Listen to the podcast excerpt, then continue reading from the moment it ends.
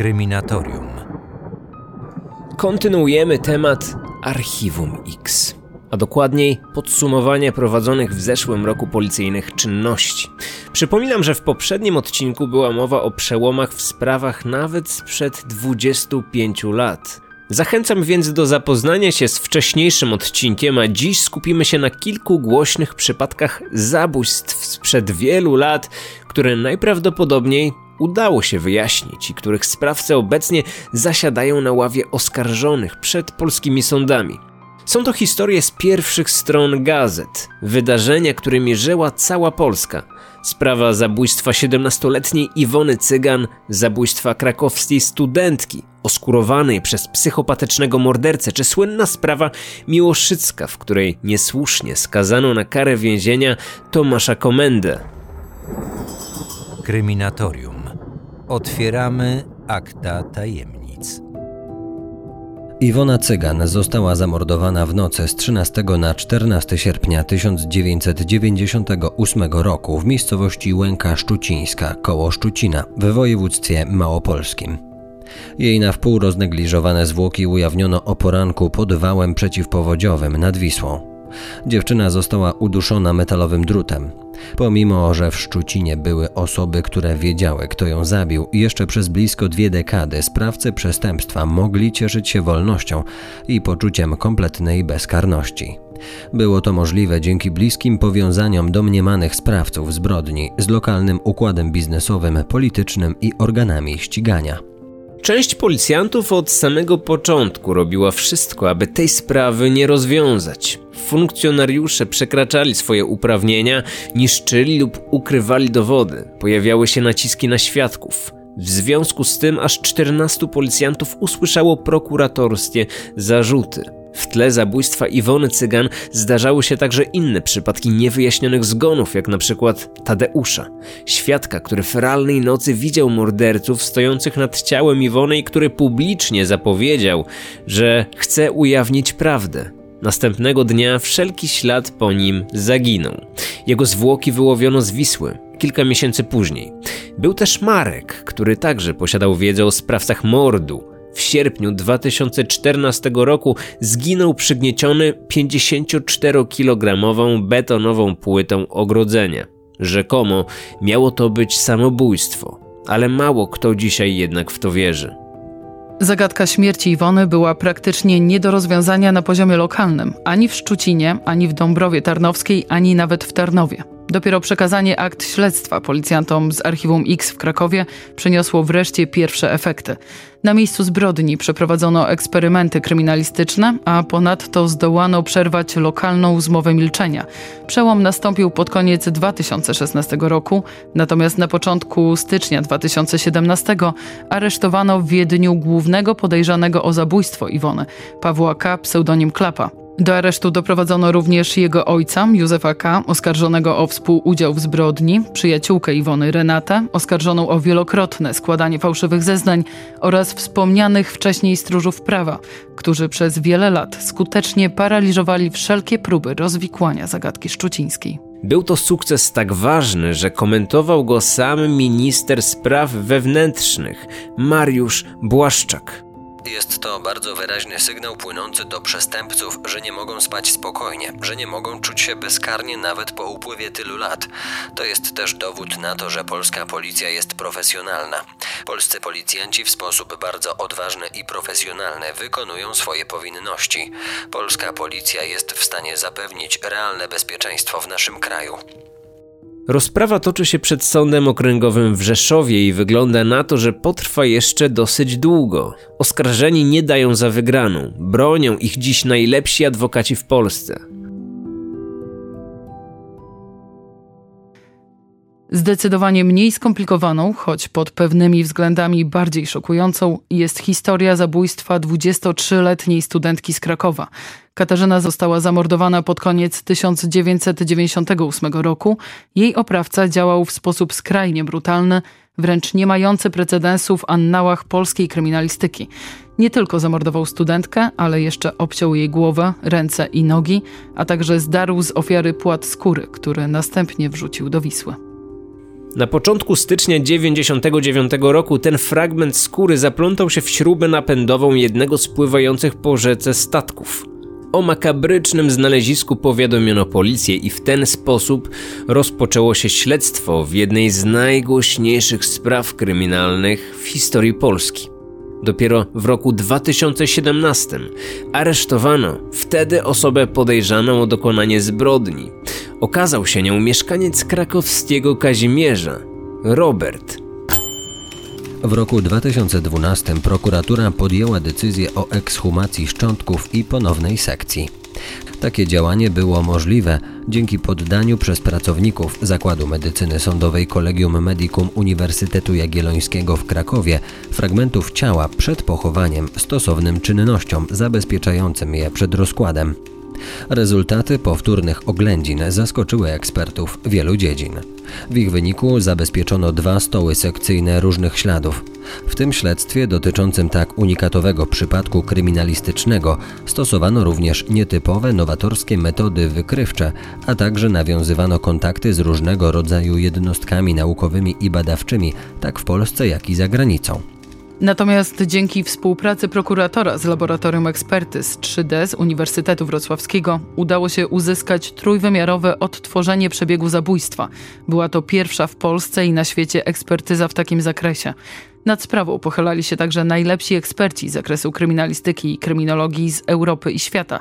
O wydanie opinii został poproszony znany na świecie biegły, portugalski specjalista od śladów tortur na ciele ludzkim, z którym współpraca trwa do tej pory.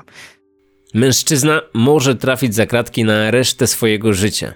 Jednak w mediach na przestrzeni ostatnich miesięcy pojawiało się sporo doniesień, które kwestionowały związek Roberta ze śmiercią dziewczyny. Prokuratura przez długie miesiące za wszelką cenę próbowała znaleźć mocne dowody, ale czy te dowody okażą się wystarczające?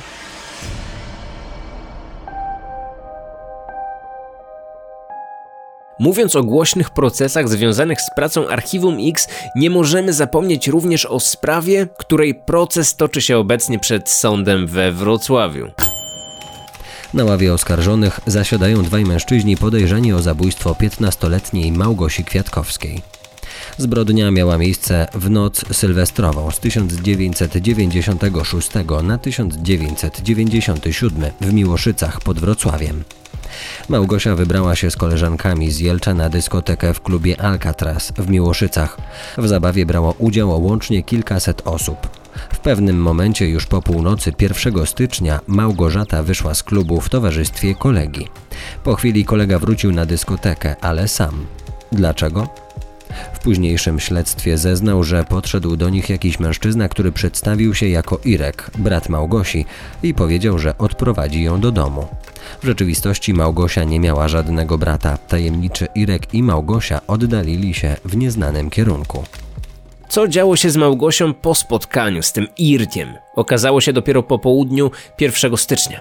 Na podwórzu jednego z gospodarstw ujawniono roznegliżowane zwłoki.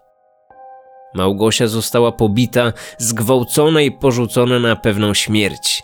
Bezpośrednią przyczyną zgonu było wychłodzenie organizmu. Śledztwo nie przynosiło rezultatów. Nie pomogło przesłuchanie 400 świadków, rekonstrukcje telewizyjne ani wyznaczanie nagrody w wysokości 10 tysięcy złotych. Ogromna szkoda, gdyż szansa na identyfikację zabójcy pojawiła się już w trzy dni po zbrodni, 4 stycznia. Przesłuchano wówczas Ireneusza M., będącego dziś głównym podejrzanym o dokonanie zabójstwa. W styczniu 1997 roku mężczyzna wspomniał o szczególe, który znać mógł tylko sprawca zabójstwa. Niestety śledczy nie zwrócili wówczas uwagi na ten niepozorny, wydawałoby się, szczegół, jakim był wskazany przez Ireneusza M. kolor skarpetek ofiary. Przez to niedopatrzenie mężczyzna jeszcze przez dwie dekady unikał odpowiedzialności za zbrodnię. Dopiero w roku 2017 policjanci zorientowali się, że aby dostrzec kolor skarpetek ofiary, konieczne było przecież uprzednie zdjęcie butów i kalesonów. W ten sposób w śledztwie nastąpił przełom, który ostatecznie zaprowadził Ireneusza, a także Norberta na ławę oskarżonych. Na wniosek naczelnika Dolnośląskiego Departamentu do Spraw Przestępczości Zorganizowanej i Korupcji we Wrocławiu w listopadzie 2016 roku komendant wojewódzki policji we Wrocławiu powołał grupę śledczą do wykonywania czynności procesowych i operacyjnych w sprawie zgwałcenia ze szczególnym okrucieństwem 15-letniej dziewczyny. Zdarzenie to miało miejsce w noc sylwestrową z 1996 na 1997 rok w Miłoszycach na terenie powiatu oławskiego. W skład tej specjalnej grupy weszli najbardziej doświadczeni dolnośląscy policjanci z Wydziału Dochodzeniowo-Śledczego i Wydziału Kryminalnego Komendy Wojewódzkiej Policji we Wrocławiu oraz funkcjonariusz z Wrocławskiego Zarządu Centralnego Biura Śledczego Policji. Postępowanie w tej sprawie zostało podjęte do dalszego prowadzenia. W wyniku wykonanych czynności funkcjonariusze ustalili, że jednym ze sprawców tej zbrodni jest 42-letni mężczyzna, który obecnie odbywa karę pozbawienia wolności za inne przestępstwa na tle seksualnym. Zebrany przez zespół policjantów i prokuratorów materiał dowodowy pozwolił na przedstawienie 13 czerwca 2017 roku podejrzanemu 42-latkowi zarzutu zabójstwa oraz dokonania gwałtu ze szczególnym okrucieństwem.